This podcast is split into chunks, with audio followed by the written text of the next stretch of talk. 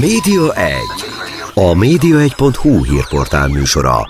Mi történik a tévék, a rádiók, az online sajtó és nyomtatott lapok világában? Kiderül a Média 1 műsorából. A mikrofonnál Szalai Dániel.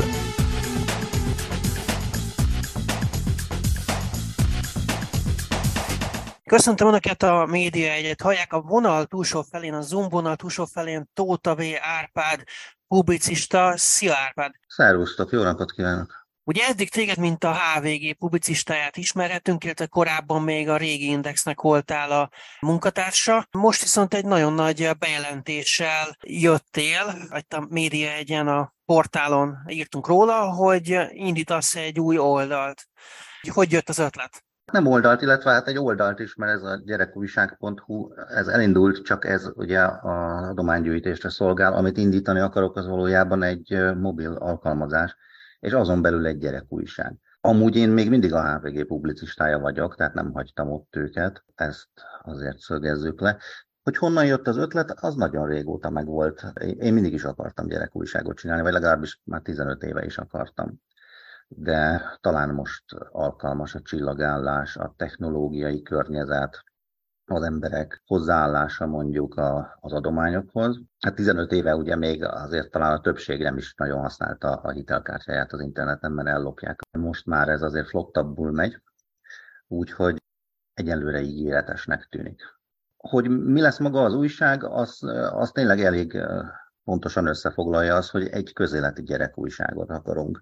Ugye van gyerekeknek szóló kiadvány egy jó csomó a piacon, ezek egy része az, hát őszintén szólva szemét, vagy piáranyag, egy másik része pedig hát apolitikus szórakoztató tartalom, amivel nincsen semmi baj, ebben benne van az irodalom meg a képregény is. Ilyenből sok van, és egyébként is azzal nincsen probléma, hogyha az ember azt akarja, hogy a gyerek tudjon mindent a dinoszauruszokról, vagy az űrhajókról. A probléma azzal van, hogy, hogy hogyan férnek ők hozzá a hírekhez, ahhoz, hogy mi történik most éppen, meg mi történt tegnap a világban. És hát ezt a lyukat próbáljuk betömködni. Tehát gyakorlatilag ez egy ténylegesen politizáló, ténylegesen a közélettel foglalkozó lap lesz, nem csak egy általános tájékoztató gyerekeknek a technológia vagy a tudomány működéséről. Nem, mert abból van elég, illetve nyilván nem lehet ezt kihagyni, tehát ennek szórakoztatónak is kell lennie, és amúgy lesz egy csomó kulturális tartalom, az egészen biztos, és arról is beszámolunk, hogyha elindult a foci VB, de amiben igazán hiány van, az az, hogy legyen egy olyan kiadvány, ami azt a szerepet tölti be a 10-14 éves gyerekek számára, mint amit a felnőttek számára mondjuk a HVG, vagy a Telex, vagy a 444. Hát szóval a, az úgynevezett sajtó. És egyébként úgy érzed, hogy a, a mainstream média nem szól eléggé a, a fiataloknak, tehát hogy egyébként nem jó a hangvétele, vagy nem, nem érthetőek ezek a hírek, és ezért nem nézik, vagy mi lehet ennek az oka, hogy mondjuk akár a HVG-t, vagy más lapokat kevésbé forgatnak akkor a fiatalok? Hát szerintem nem fogyasztható a számukra. Hát azért egy tíz éves gyereknek a kezébe adunk egy, egy HVG-t, vagy akár egy Telex cikket, akkor egy csomó mindent nem fog érteni, tehát itt, itt kell magyarázni.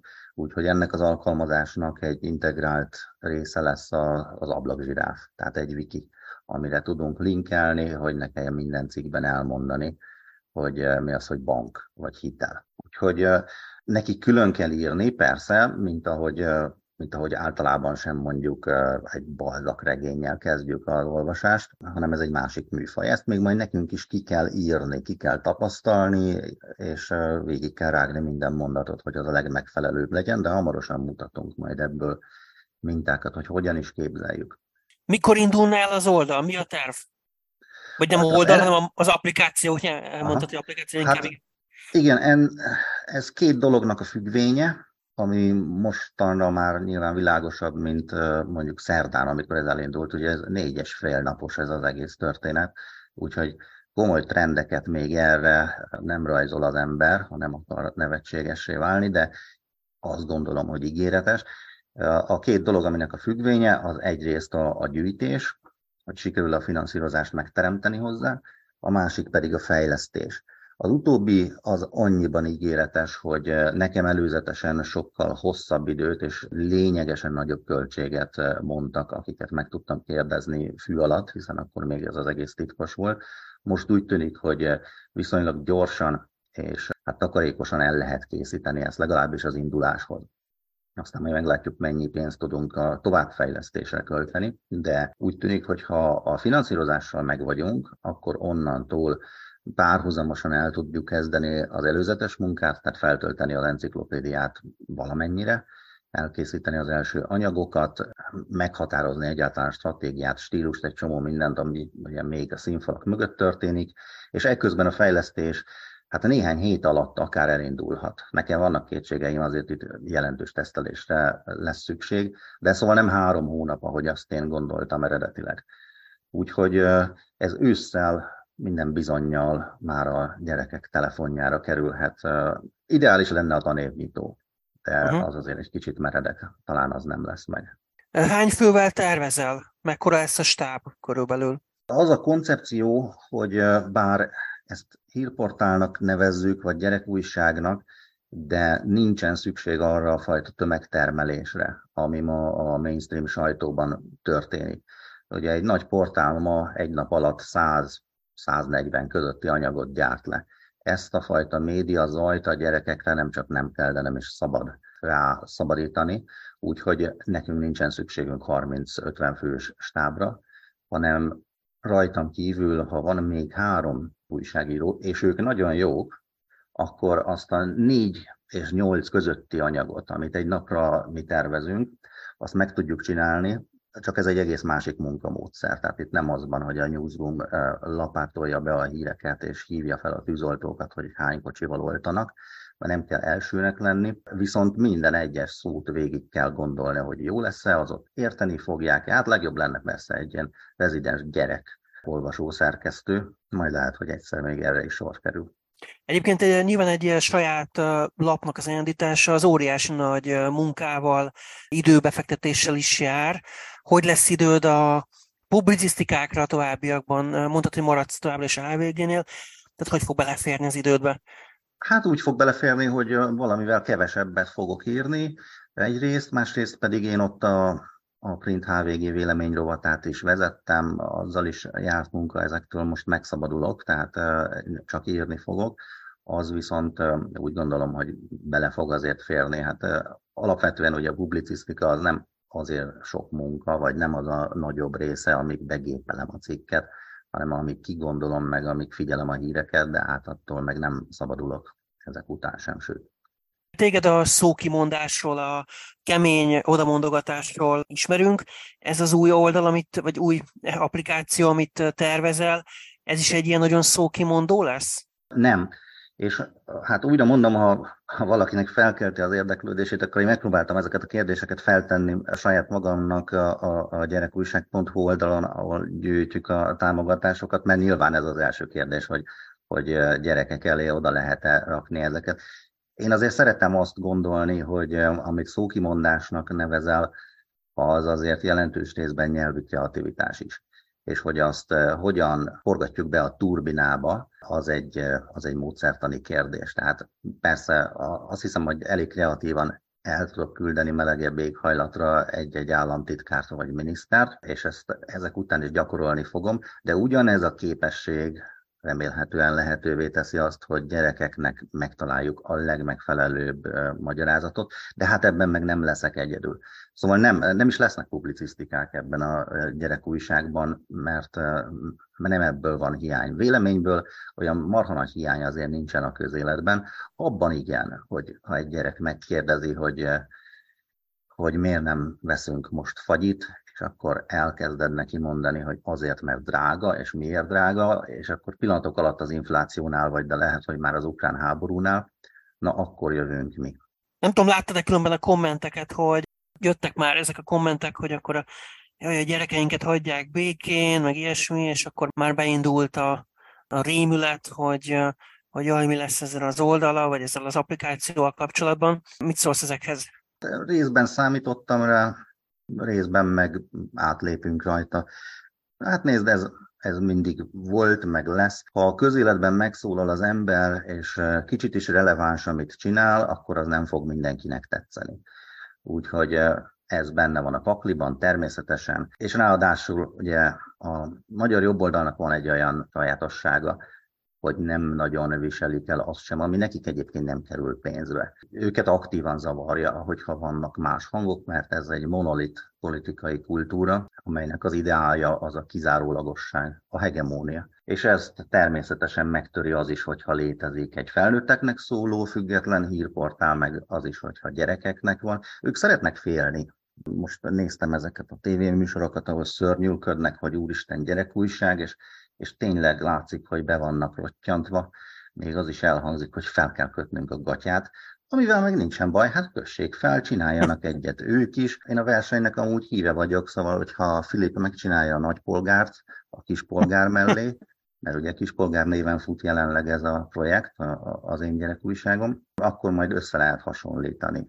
Csak hát szeretném, hogyha azt nem nekem kéne kifizetni, mint ahogy én se kértem pénzt sem az államtól, sem azoktól, akiknek nem tetszik. Nincsen dolgunk egymással. Ne támogassák, ne olvassák, aztán kész.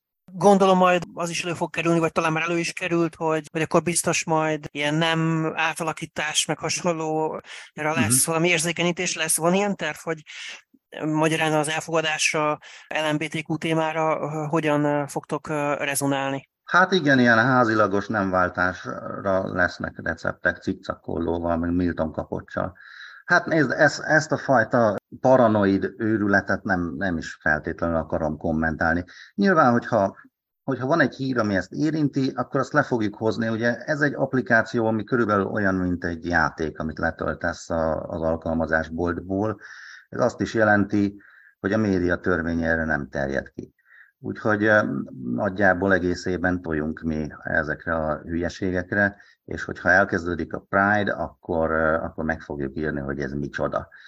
Nyilván úgy, ahogy az egy tíz éves gyerekeknek oké. Okay. De hát ugye hangolni, hangszerelni, azt amúgy is kell. Ugye, ha kinyitunk egy újságot, akkor annak a fele vagy brutális büntény, vagy ilyen szexbotrányok, ott nekünk ki kell gondolni, hogy ebből mi az, amit, amit egyszerűen elfelejtünk, mert nem fontos, és, és mi az mondjuk egy terrortámadásnál, amit ebből közé kell tenni, tehát el kell mondani a gyerekeknek, hogy mi történt, de úgy, hogy az nekik fogyasztható legyen, és ne traumatizáló.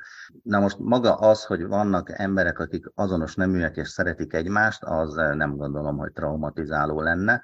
Az, hogy nálunk egy törvény tiltja, hogy erről egyáltalán beszéljünk, az ennek a törvénynek az idiotizmusa, és nem nagyon érdekel engem. Hogy néz ki majd a stáb, mekkora, azt már mondtad, de hogy kik lesznek benne, arról már lehet esetleg pár szót mondani, vagy ez még mm, eh, hát, gyerekcipőbe jár? Nem az, hogy gyerekcipőben jár, hanem ugye a Polyák Gábor neve az, az nyilvános, hogy ő tanácsadóként és elsősorban a pályázatok tekintetében fog segíteni. Ami az újságírókat illeti, hát ők még állományban vannak valahol, tehát ez, ezért nem nyilvános, de egy részükkel már meg is állapodtam előzetesen, és a többieket is meg fogjuk találni. Nézd, az a helyzet, hogy egy ilyen újság az a magyar média munkások egy nagy részének azért álommeló. Lássuk be, hogy a médiában dolgozni manapság az nem feltétlenül egy örömzene. És amit mi itt csinálni fogunk, ha jól csináljuk, akkor az nem csak a gyerekeknek lesz jó, hanem nekünk is. Egészen más úgy dolgozni, hogy, hogy tényleg nem kell a, hogy mondjam, csukló görcsig gépelned egy nap, hanem, hanem jót kell csinálnod. Tehát nem, nem egy csavargyárban dolgozol. Úgyhogy vannak jelentkezők, bőven egészen nagy nevek is. Munkaerővel szerintem nem lesz gond, az már az én feladatom, hogy fel tudjam azt mérni, hogy ki alkalmas arra, hogy ezt a fajta nagyon igényes fogalmazást folyamatosan tudja művelni. Mik a tervek hosszabb távon? Hogyha ez felfut, akkor lehet, hogy akár a HVG-t is abba fogod hagyni, hogyha annyira bejön? Hát nem hiszem, hogy abba fogom hagyni. Azért én azt hiszem, hogy a publicisztikát azt kimaxoltam abban az értelemben, hogy, hogy szerintem azt nem csinálom nagyon rosszul, és ezt a tapasztalatot, meg képességet egyrészt kár lenne veszni, hagyni, másrészt ez még mindig egy belső indítatás, szóval én nem azért írok publicisztikákat, mert ütik a fejemet, meg mert különben nem kapok fizetést, és mi lesz velem, hanem azért, mert én ezt szeretem, és azzal együtt, hogy hogy meglehetősen reménytelennek gondolom a diskurzust. nincsen igazából vita. Attól függetlenül nem gondolom, hogy fölösleges reflektálni arra, ami történik velünk, mert egyrészt ennek ki kell jönnie belülről, másrészt pedig egyszer majd jól fog jönni, hogyha valaki kíváncsi, hogy mi is történt itt a 2020-as években. Mekkora olvasóközönséggel lennél elégedett az új médiumodnál? Elsősorban akkor leszek elégedett, hogyha én magam úgy gondolom, hogy amit csinálunk, az jó. Ez nem feltétlenül a közönség számában igazolható vissza, ez ugye látszik a felnőtteknek szóló sajtóban is. Én azt hiszem, hogy ha elindulunk egy néhány ezer gyerekolvasóval, akkor, akkor remélhetőleg bekövetkezik a láncreakció a padalatti levelezés formájában, meg a szájhagyomány útján nyilván költeni kell majd marketingre is, de igazából nincs ilyen szám előttem. Persze nyilván, hogyha összesen van 500 olvasónk, akkor amiatt fölösleges fenntartani egy újságot, ha csak nincsen benne ugye óriási állami támogatás, mert akkor tök mindegy.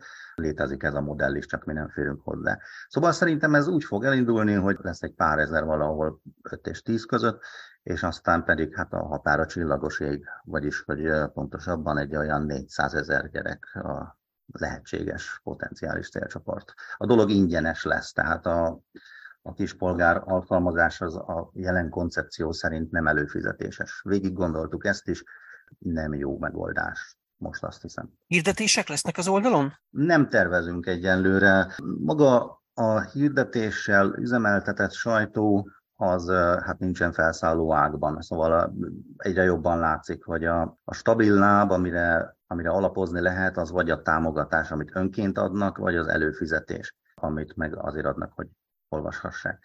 Az, hogy hirdetésekből megéljen egy lap, az hát nem részletezem, nyilván a, a te újságod is bőven lefedi azt, hogy ez miért történik így, kik viszik el ezeket a hirdetéseket, miért nem hatékony bannereket rakni egy oldalra.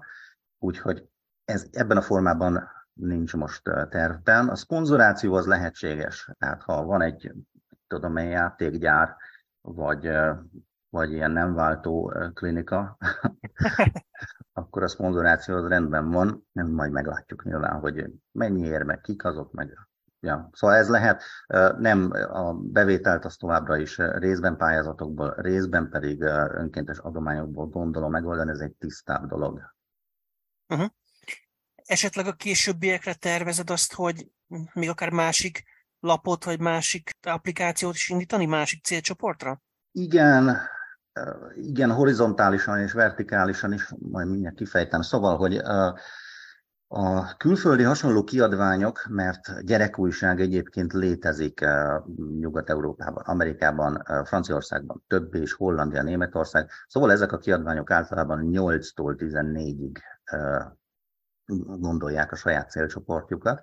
Én azt hiszem, hogy egy 8 és egy 14 éves gyerekkel azért eléggé másképp kell beszélni, úgyhogy mi 10-14-et lőttünk be elsőre, és hogyha a keret, vagyis a munkaerő engedi, akkor, akkor valamilyen külön kiadást a 8 éveseknek az applikáción belül érdemes lenne csinálni, mert az érdeklődés az bennük is megvan, ők is ugyanúgy megkérdezik, hogy az osztályfőnök néni miért köszönt el tőlük, és ment el pénztárosnak, szóval ez őket is érinti és érdekli, csak az egy másik, másik fogalmazási módszer lesz, és azt még majd meg kell találnunk.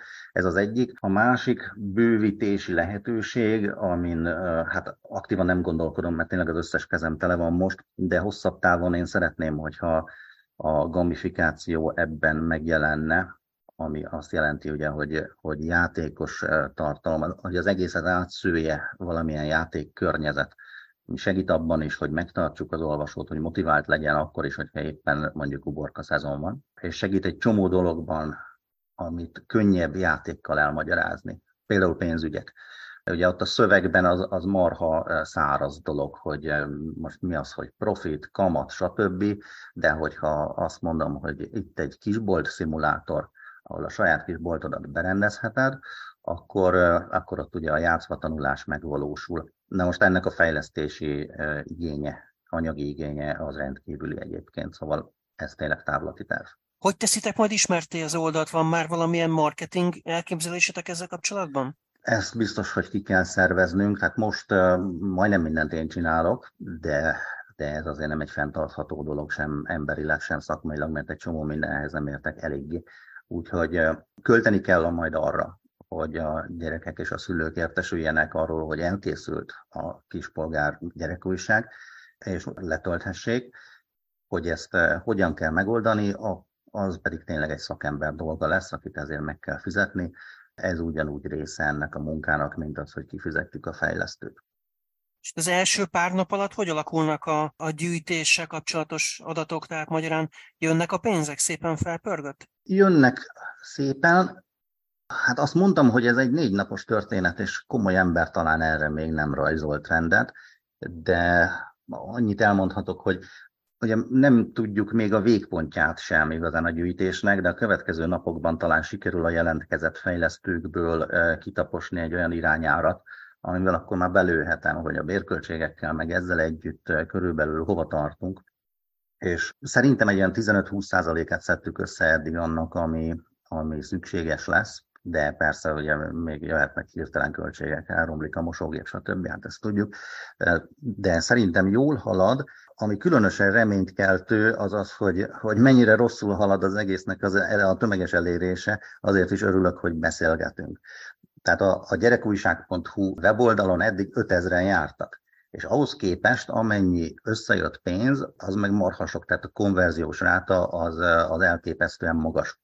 Úgyhogy nekünk most az a feladatunk, hogy ezzel elérjünk egy másik 5-10 vagy 50 ezer embert, és akkor tudni, hogy meg vagyunk. De hát ez nem olyan egyszerű, mert futnak hirdetések, csak egyrészt sajnálok erre pénzt költeni, másrészt mérsékelten értek hozzá, harmadrészt az emberek ugye azért hirdetésre nem kattintanak olyan nagyon szívesen, mint ahogy én sem. De meg fogjuk találni ennek a módját. Nem hajt a tatár amúgy, tehát hogyha ez a gyűjtés egy hónapig tart, már egy hónap múlva mondhatjuk azt, hogy na, akkor most meg vagyunk, akkor az is jó, nem késtünk le semmiről.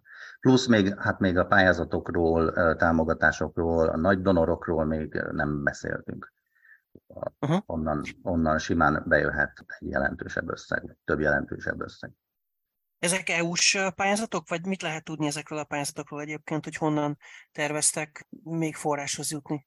Hát a, a szokásos gyanúsítottak, nincsenek még itt konkrét szerződések, egy van, hát egy, egy támogatónk már van, a többit meg majd meglátjuk. Nyilván ugye igen, Európai Uniós pénzeket is megpróbálunk szerezni erre. A nemes ügyre, nem fogunk elszaladni a soros elől sem. Ez nekünk ugye, ahogy a szabadságharcosoknak is mindegy, hogy ki a repülőgép, amiről ledobják a fegyvert, úgy amíg nem akarnak beleszólni a tartalomba, addig, addig nekem nyolc.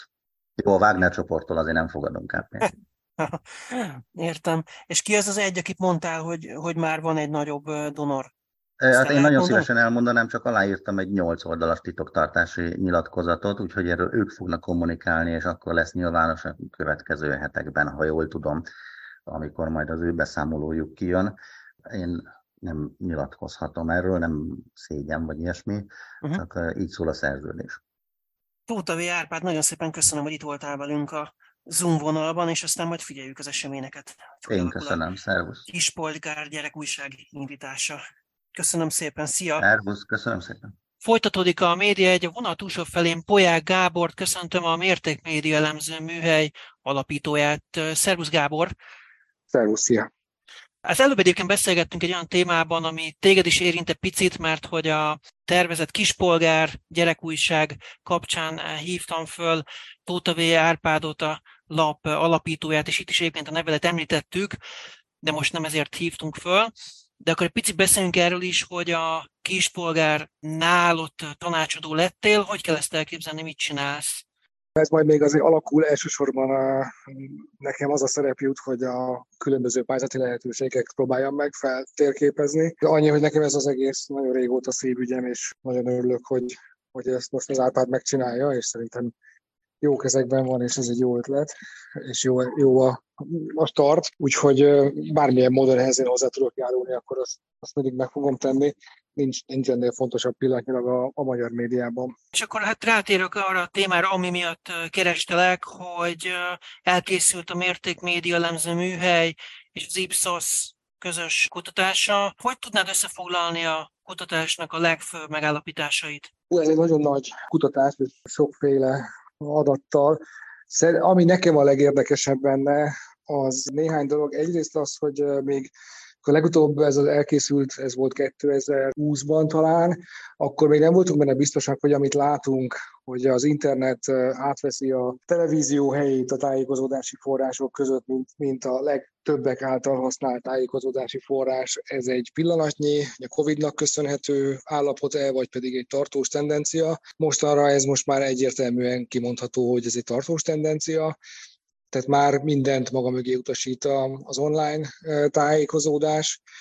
A másik nagyon érdekes, hogy ebben az évben először jártunk utána annak, hogy az ilyen nem hagyományos média csatornák mint amilyen a Partizán is, bár azért az egyre nagyobb mértékben hasonlít egy klasszikus televízióhoz, de nem az, de, de annál kisebbek is, mint a ö, általában egyébként korábban alig-alig ismert fókuszcsoport nevű YouTube videó, de egyébként rákérdeztünk a megafonos megmondó emberekre is, hogy ezek milyen eléréssel rendelkeznek, és nagyon érdekes látni azt, hogy ezek mentén még tovább tagolódik a, a magyar közönség. Ez nem, nem csak egy politikai jellegű tagolódás, hanem egyszerűen mindenki más ilyen online videós, podcastos forrásokat ismer és használ, és én, ahogy mondom, például egy csomóról nem is tudok, hogy létezik, miközben többen nézik mondjuk ezt a, a fókuszcsoport nevű YouTube csatornát, mint ahányan, nem tudom, hírtévét néznek, tehát egy egészen elképesztő számokat tudnak ezek produkálni. Igen, és amit én néztem itt ebben a kutatásban, hogy mennyire van kormánypárti túlsúly, és uh, itt az jött ki, hogy 88%-ban a választók szerint a Fidesznek van nagyobb befolyása, ők ugye viszont ezt tagadják továbbra is, tehát a párt.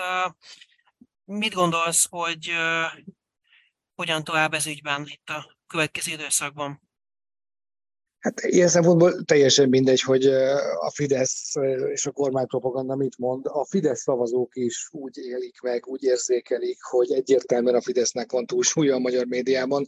Nyilvánvalóan ők ennek örülnek. Tehát, hogy ez nem azt jelenti, hogy ezt ők kritikus szemmel néznék, és ugyanazt gondolnák a helyzetről, amit mondjuk én gondolok, de azt eltagadni, hogy a Fidesznek meglehetősen nagy arányú túlsúlya van a médiában, az bolondság ezzel, ezzel Egyébként még néhány uniós képviselőt meg lehet etetni, de hát a valósággal ez az állítás már semmilyen köszönő viszonyban nincs, hogy mit lehet ezzel kezdeni. Hát ugye ezen dolgoznak sokan, akik, akik újra és újra próbálkoznak különböző független médiumoknak a alakításával de hát erre nincs rövid távú válaszunk. Amíg a Fidesz rendszer van, addig a Fidesz média is van, és azt is látjuk, hogy az összes új platformon is kis késéssel, de, de mégiscsak megjelenik, és, és mindent letarol, tehát ez, ez, ez egy nagyon rendszerfüggő része a médiának. Amikor a Fidesz rendszere megszűnik, Orbán Viktor rendszere megszűnik, akkor ezek a médiumok mennek a kukába, mert egyébként alkalmatlanok bármilyen valódi újságírói, vagy, vagy nem propaganda jellegű nyilvános kommunikációra, de hát ezt, hogy ez mikor fog bekövetkezni, ez nem rajtunk fog múlni, azt kell mondanom. Ugyanakkor ez visszafelé is érvényes lehet, tehát hogy addig a rendszer talán nem omlik össze, amíg ezek a médiumok vannak, és elhitetik az emberekkel azokat, amiket elhitetnek. De tehát ez oda-vissza érvényes lehet. Ebben igazad van, tehát itt van egy, van egy ilyen kölcsönös függőség, de nem a, nem a média fog először összeomlani ebben a történetben, hiszen ezt a, a kormánypárti Fidesz közeli médiát, ezt alapvetően a, a kormány, a, te meg az én, meg a az összes választópolgár adóforintjaiból tartja el, ideértve ugye a közösségi médiában megjelenő különböző kampányokat is. Hát itt abban a pillanatban, ahogy legalábbis ez a közpénz csap elzáródik, lesz egy megingás, és ez akkor fog bekövetkezni, amikor a rendszer összeomlik. Persze, hát ennek a rendszernek fontos pillére a propaganda, és azt látjuk, hogy, hogy nagyon fontos pillére, és át lehet állítani a, a Fidesz választókat egy Putyin-párti gondolkodásra, ami nagyon ijesztő, de azért két dolgot lássunk, hogy ezek nem azok a Fidesz szavazók, hogy 2010-ben a Fideszre szavaztak. Itt azért volt egy nagyon jelentős cserélődés, és akik valóban egy polgári értékrend, konzervatív értékrend mentén gondolkodnak. Lehet, hogy a Fideszre szavaznak, de ők azért ebben a, a gondolatváltásban, világképváltásban biztosan nem vettek részt. Másfelől meg a, azért ez a rendszer, ez, ez nagyon-nagyon kiterjedt a médián túl is, rengeteg függőséget tart fenn a helyi vállalkozóktól, a közmunkán át, a nagyvállalkozókig mindenki pillanatnyilag a, a rendszernek a fogja, és lehet, hogy valaki ezt jól éli meg és kényelmesnek érzi, de, de akkor is, tehát ez a rendszer ez nem csak a propagandán múlik, ez nagyon sokféleképpen tartja fogva a magyar társadalmat. Az is érdekes, hogy a teljes népességnek a 21%-a valamilyen szinten elfogadhatónak tartja, hogy a politikai szereplők beleszóljanak egy újság tartalmába. Hogy lehet az, hogy ilyen magas ez az ötöde a, a népességnek? Azt sem merem itt mondani, hogy ez kizárólag a 2010 utáni időszaknak a, a következménye. Szerintem itt egy ennél sokkal régebbi problémáról van szó. Az egyik veszőparipa is tulajdonképpen visszautal a, a Tóta féle kezdeményezésre, ugye a kispolgárra, hogy a rendszerváltásnak az egyik alapvető bűne az az, hogy, hogy a társadalmasításra, hogy ilyen csúnya szót használják, a demokráciának az elmaradt. Nem sikerült, és igazából kísérlet sem volt arra, hogy a magyar társadalom jelentős része számára evidens értékké tegye a politika azt, hogy demokrácia van, és a demokrácia a létező világok valóban legjobbika. Nincs olyan alternatíva, ami ennél több ember számára nagyobb biztonságot, jólétet, kiszámíthatóságot tudna jelenteni. Olyan van, amelyik néhány ember számára ezek bármelyikéből nagyobb mennyiséget produkál, de az össztársadalom szintjén a demokrácia verhetetlen. Ez teljes egészében kimaradt a rendszerváltásból, kimaradt az iskolai oktatásból, kimaradt sajnos a politikai pártok tevékenységéből, akik kezdettől fogva pusztán hatalmi harcként mutatták a, a politikát, nem, nem pedig valamiféle demokratikus értékek mentén zajló össztársadalmi folyamatként. Nagyon sok szereplő óriási hibáját szenvedjük el, és hát ebben benne van az, hogy a, véleményszabadság, a sajtószabadság, az csak akkor érték, hogyha a demokrácia érték. Ugye a sajtószabadság alapvető célja az, hogy elősegítsen egy békés hatalomváltást, olyan információkkal szolgáljon a választópolgárok számára, amik mentén döntést tudnak hozni egy választási helyzetben. Ha nem akarunk békés hatalomváltást, mert azt gondoljuk, hogy a mostani rendszer A így jó, B így fog maradni, mert mozíthatatlan, akkor nem kell hinnünk a sajtószabadságban, nem, nincs értéke, mert, mert nem tudja betölteni a, az alapvető funkcióját. Feltűnő ugyanakkor, hogy a diplomások teljesen más mondtak erről, mint az alacsony iskolai végzettségűek. Ezt minek tulajdonított? Tehát, hogy aki alacsonyabb végzettségű, az nem tartja annyira aggályosnak ezt, beleszólnak a sajtóba? Nem érti ezt a problémát? Óvatos lennék e tekintetben, az biztosan kimondható, hogy ez a közoktatásnak egy óriási kudarca. Aki eljut a felső oktatásba, az belekerül mégis egy olyan közegbe, ahol hogy mondjam, egyrészt téma, másrészt meg egy ponton túl ciki a, azt gondolni, hogy, hogy a demokráciának vannak jó alternatívái mert, mert mégiscsak olyan emberek között mozogsz, akármilyen egyetemre jársz, akik számára például a tanítás szabadsága, a tudomány szabadsága, az egy alapvető fontosságú érték, és akármi történik a világban, ehhez azért ők ragaszkodnának. És ezért ebben a közegben könnyebb olyan párbeszédekbe bonyolódni, keveredni, amik mégiscsak a, a világnak erről a politikai feléről szól. A közoktatásban, ahogy az előbb is mondtam, gyakorlatilag nem jelenik meg az a kérdés, hogy mi a demokrácia. Úgy végzel el e, akár egy gimnáziumot, úgy mész el érettségig, hogy szinte semmit nem tudsz arról, hogy a választás az micsoda. Még lehet, hogy azt el is mondják, hogy, hogy van hány, két szavazatod van, meg listás, meg egyéni, de hogy ennek az egésznek pontosan mi a tétje, mi történne akkor, ha nem lenne a választójogod. Ami nagyon egyszerű egyébként, tehát ez, ez bármilyen óra, irodalom, történelem, angol, szóval ezek olyan egyszerű témák, amik, amiket egyszerűen csak fel kellene vállalni a, a, a tanároknak, és a tanárok túlnyomó többsége ezektől kifejezetten fél abból a, abból a buta, teljesen félreértelmezett megközelítésből, hogy az oktatásban nem politizálunk, ami nem azt jelenti, hogy hogy egyébként nem beszélhetünk a demokrácia értékeiről, hanem azt jelenti, hogy nem beszélhetünk arról, hogy melyik pártra szavazzanak a diákok. Ez valóban nem a tanárnak a dolga. De az, hogy egyébként a választásnak mi a tétje, azt anélkül leérettségizni, ez egy, ez egy nagyon felelőtlen társadalomban megengedett csak, a miénk az ilyen. Az is érdekes számomra itt a sok ábra és elemény között, hogy a kormánypárti és az ellenzéki szavazók teljesen más médiumokat mondtak arra, hogy mit tartanak hitelesnek, és az összesített adatok is érdekesek ez ügyben, hogy ott mi jön ki. Számodra ebből nem az következik pont, hogy van buborék? Tehát, hogy te teljesen más, ami kijött a kormánypárti listában, hogy ott például a lista élén van a kormánypártiak között a Kossuth Rádió, Hír TV, M1, uh-huh. az ellenzékinél meg az élen az RTL, Telex, HVG, és a végén vannak a Hír TV, Kossuth Rádió, M1. Tehát, hogy ez, ez nem pont azt mutatja, hogy akkor mégiscsak van buborék? Ezt az ábrát szoktam mutatni, ugye ez már elkészült a három évvel ezelőtti elemzésnél is. Egy külföldi kollégának akkor, hogy a röviden akarom magyarázni, hogy Magyarországon mi a helyzet. Ez tulajdonképpen tükörkép. Tehát az, ami a Fidesz szavazók számára a leghitelesebb, az a nem Fidesz szavazók számára a leghiteltelenebb, és majdnem fordítva. Van egyébként érdekes módon, hogyha az ábrát látod magad előtt, az Index még a leginkább híd szerepet betöltő Nagyjából ugyanannyi Fidesz szavazó bízik, vagy tartja hitelesnek az indexet mind a mai napig, mint ahány nem Fidesz szavazó, ezért nagyon ügyes húzás volt az indexet lenyúlni, de egyébként ez az ábra a magyar társadalom végletes polarizáltságának a, a legszebb tükre, ami nagyon könnyen el lehet magyarázni, hogy nem ugyanazokról a témákról beszélünk, nem ugyanazokat a szavakat használjuk, lényegében két társadalom él egymás mellett különböző jellegű problémákat fontosnak tartva a buborék az ilyen értelemben nyilvánvalóan létezik. Ez nem is annyira buborék, mint inkább egy ilyen törzs szövetség.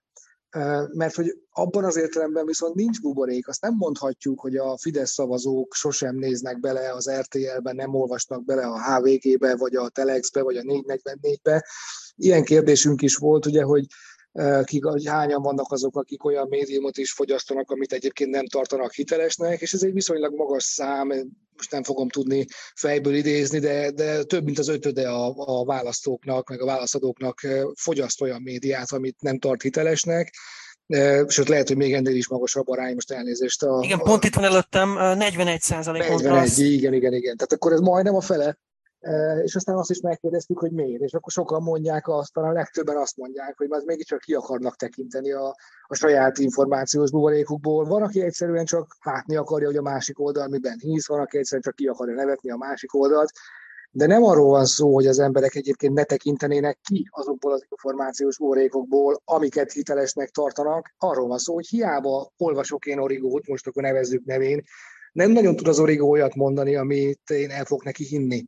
Tehát, hogy ez, ez sajnos bennünk is dolgozik ez a fajta nagyon erős törzsi elköteleződés, és azt gondolom, hogy persze az origónak nagyon, tehát objektíven nézve is nehéz elhinni az információi többségét, de, de azért ebben van egy csomó szubjektív észlelés, és ugyanezt fogja mondani egy Fidesz szavazó, hogy ő hát mit tudom én, a 444 az, az, az elképzelhetetlen, hogy bármi olyat írjon, aminek van valóság alapja, Tudja ő, hogy mit ír a 444, de sosem fogja elhinni, és itt, itt vagyunk buborékba zárva, hogy, hogy egészen más valóságot fogadunk el igaznak Fidesz szavazóként, mint nem Fidesz szavazóként, és ez a két valóság, ez tényleg nem egy társadalom, ez most már két mereven szétválasztott, egymással szót nem értő társadalom. Mennyire tájékozódnak egyáltalán az emberek? Tehát úgy általában a teljes társadalomon belül hány százalék az, aki olvas híreket naponta? Nagyon érdekes, hogy itt viszont azt látjuk, hogy növekszik azoknak az aránya, akiket érdekel a politika, és azt állítják, hogy az előző időszakhoz képest több időt fordítanak hírek fogyasztására. Itt most pont látom a számokat, 2020-ban még csak 15%-a mondta a választópolgároknak azt, hogy nagyon érdekli a politika, 23-ban már 24 százalék, tehát ez egy majdnem 10 százalékos ugrás, és sokkal kevesebben vannak azok, akiket egyáltalán nem ért, egy kicsit érdekel csak.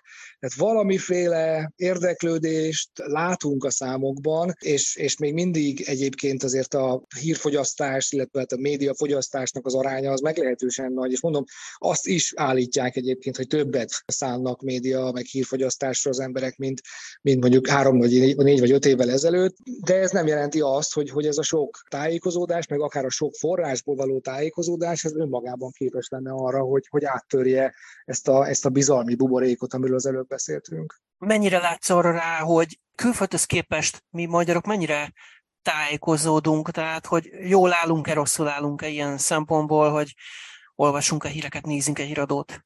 Ami Magyarországon mindig érdekes, ugye éppen talán múlt héten jött ki a Reuters Digital News Report, az egy évente megjelenő, alapvetően nagyon hasonló tematikájú tájékozódási mintázatokat vizsgáló globális kutatás, hát az, az nem tudom, 140 országban elkészül, lehet, hogy nem annyiban, csak százban, de nagyon sok országban az a kutatás lezajlik, és egyrészt azt kell mondanom, hogy Magyarország abban az összmintázatban nem igazán lóg ki azt sem lehet mondani, hogy nálunk sokkal kevesebb ember lenne például hajlandó fizetni a, az internetes hírforrásokért.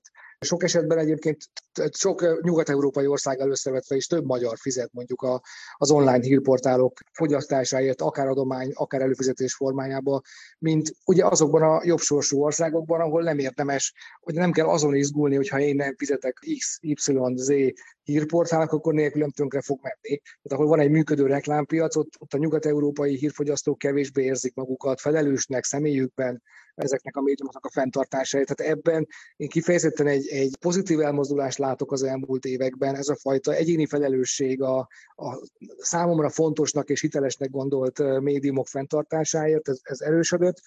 És amiben kilógunk, az biztos, hogy a közösségi médiának a jelentősége, és e tekintetben nálunk még, még a Facebook nagyon erős, de hát ugye abban meg az, az meg egy világtrend, hogy a TikTok az meg a fiatalok körében tarol, és azt gondolom, hogy most, hogy megtanultuk, mondjuk a mikorosztályunk is, tiédnek az enyém, Dani, hogy, hogy a Facebook az mit jelent, hogy működik, milyen kockázatai vannak, az Európai Unió is lényegében a Facebookra szabva elkezdett intenzíven jogszabályokat alkotni, erre jön egy olyan felület, ami hát alig-alig hasonlít a Facebookra, közösségi médiának hívják ugyan a TikTokot is, Na de hát ott, ott nem, nem az interakció a lényeg, hanem ott aztán tényleg csak a pörgetés, és az, hogy az algoritmus minél pontosabban megmondja, hogy melyik 10-15-20 másodperces videó fog téged ott tartani a következő pörgetésnél. Nincs visszajelzés, csak egy kis lájkot nyomhatsz, nincsenek viták, semmilyen még olyan alpáris, amilyen a Facebookon. Tehát, hogy ez vagy sokkal kevésbé intenzívek, ezzel a helyzettel megint, megint egy új, új helyzet állt elő, és ez a, éppen ez a Reuters Digital News Report mutatta meg, hogy, hogy a TikToknak mekkora jelentősége van, és a közösségi média is mekkora kiinduló pontjává vált világszerte a, a hírfogyasztásnak, ebben Magyarország élen jár.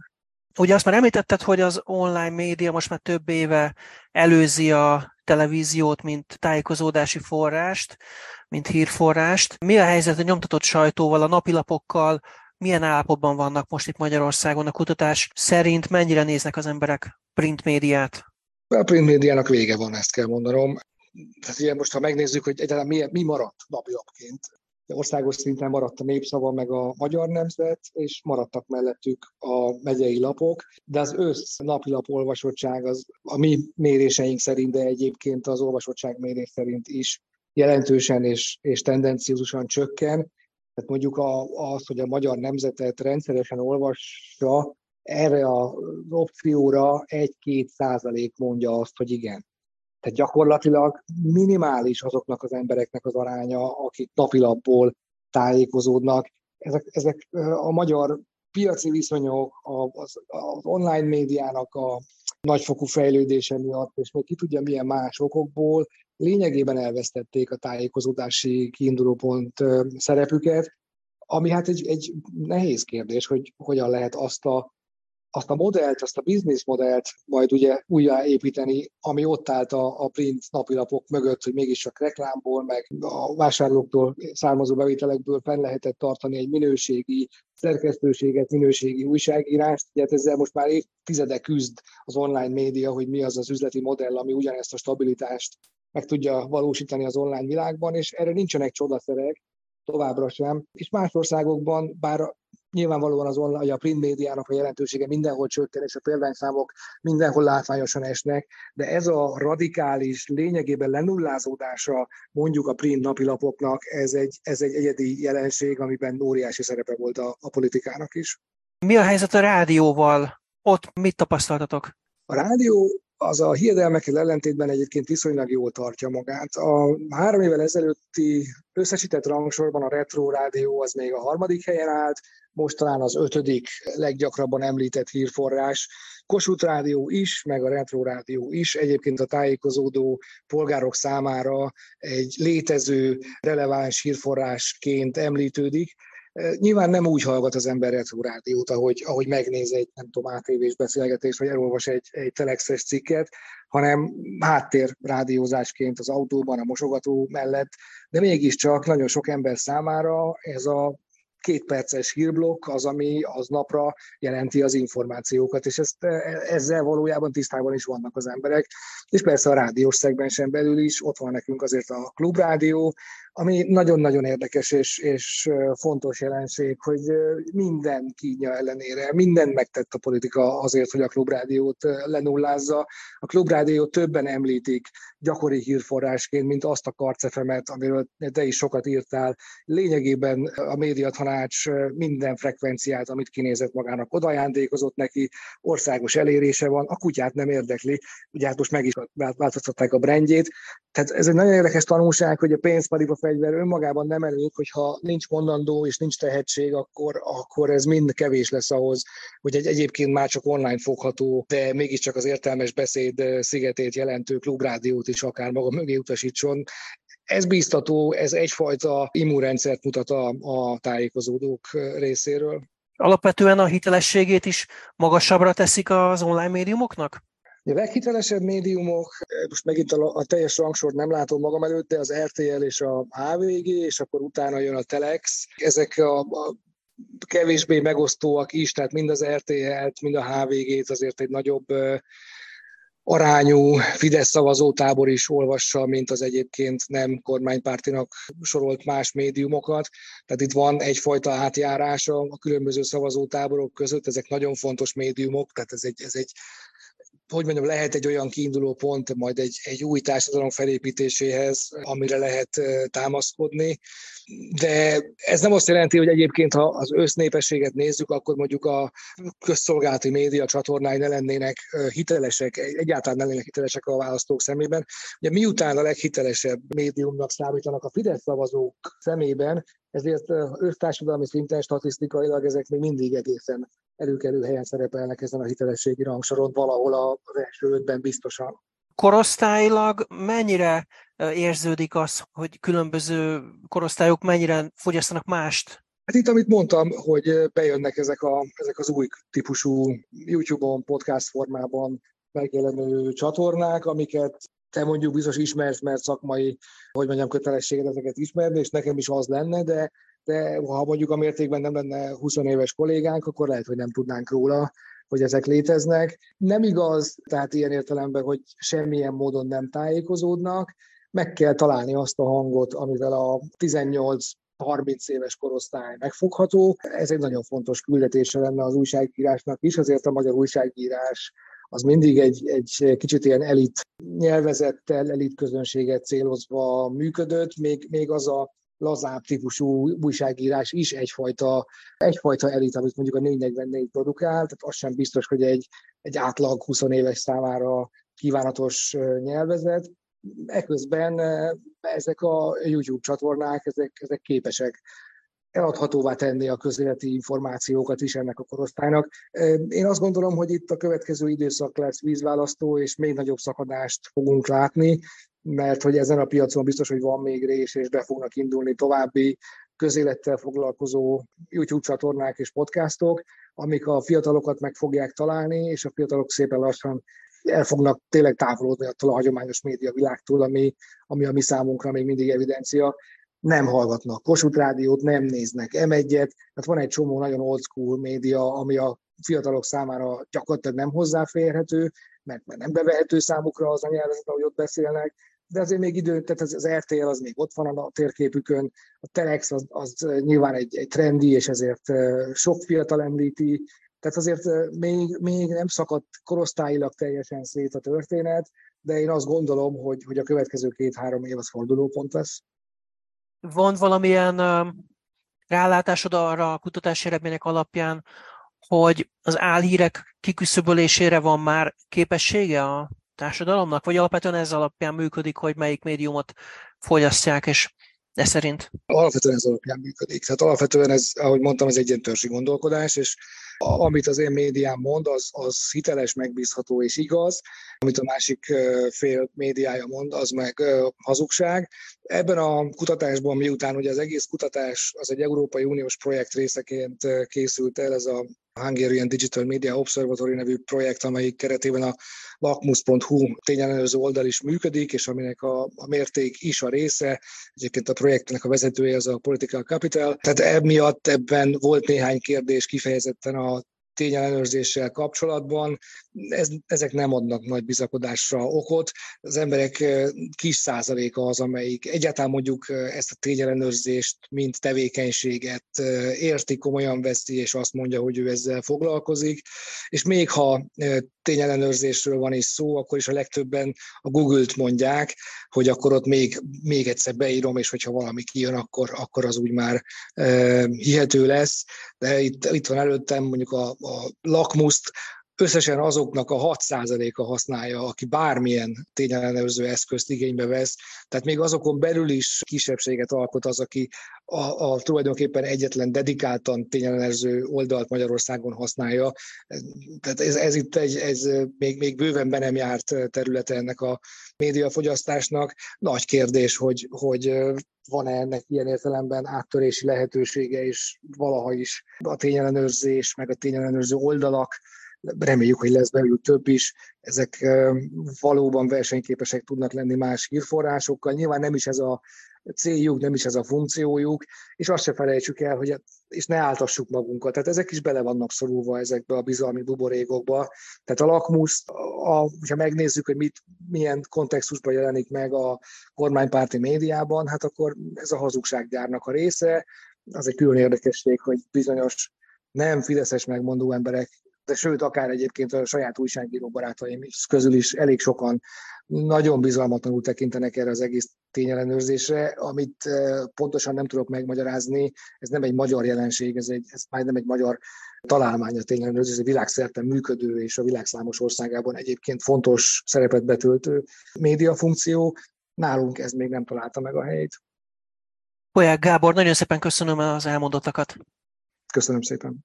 Ez volt már a Média egy, egy hét múlva jelentkezünk ismét, visszagadható az adás a média1.hu-ról, a webcast.hu-ról, Spotify-ról, iTunes-ról, és 15 rádió is megismétli ezt a beszélgetésünket.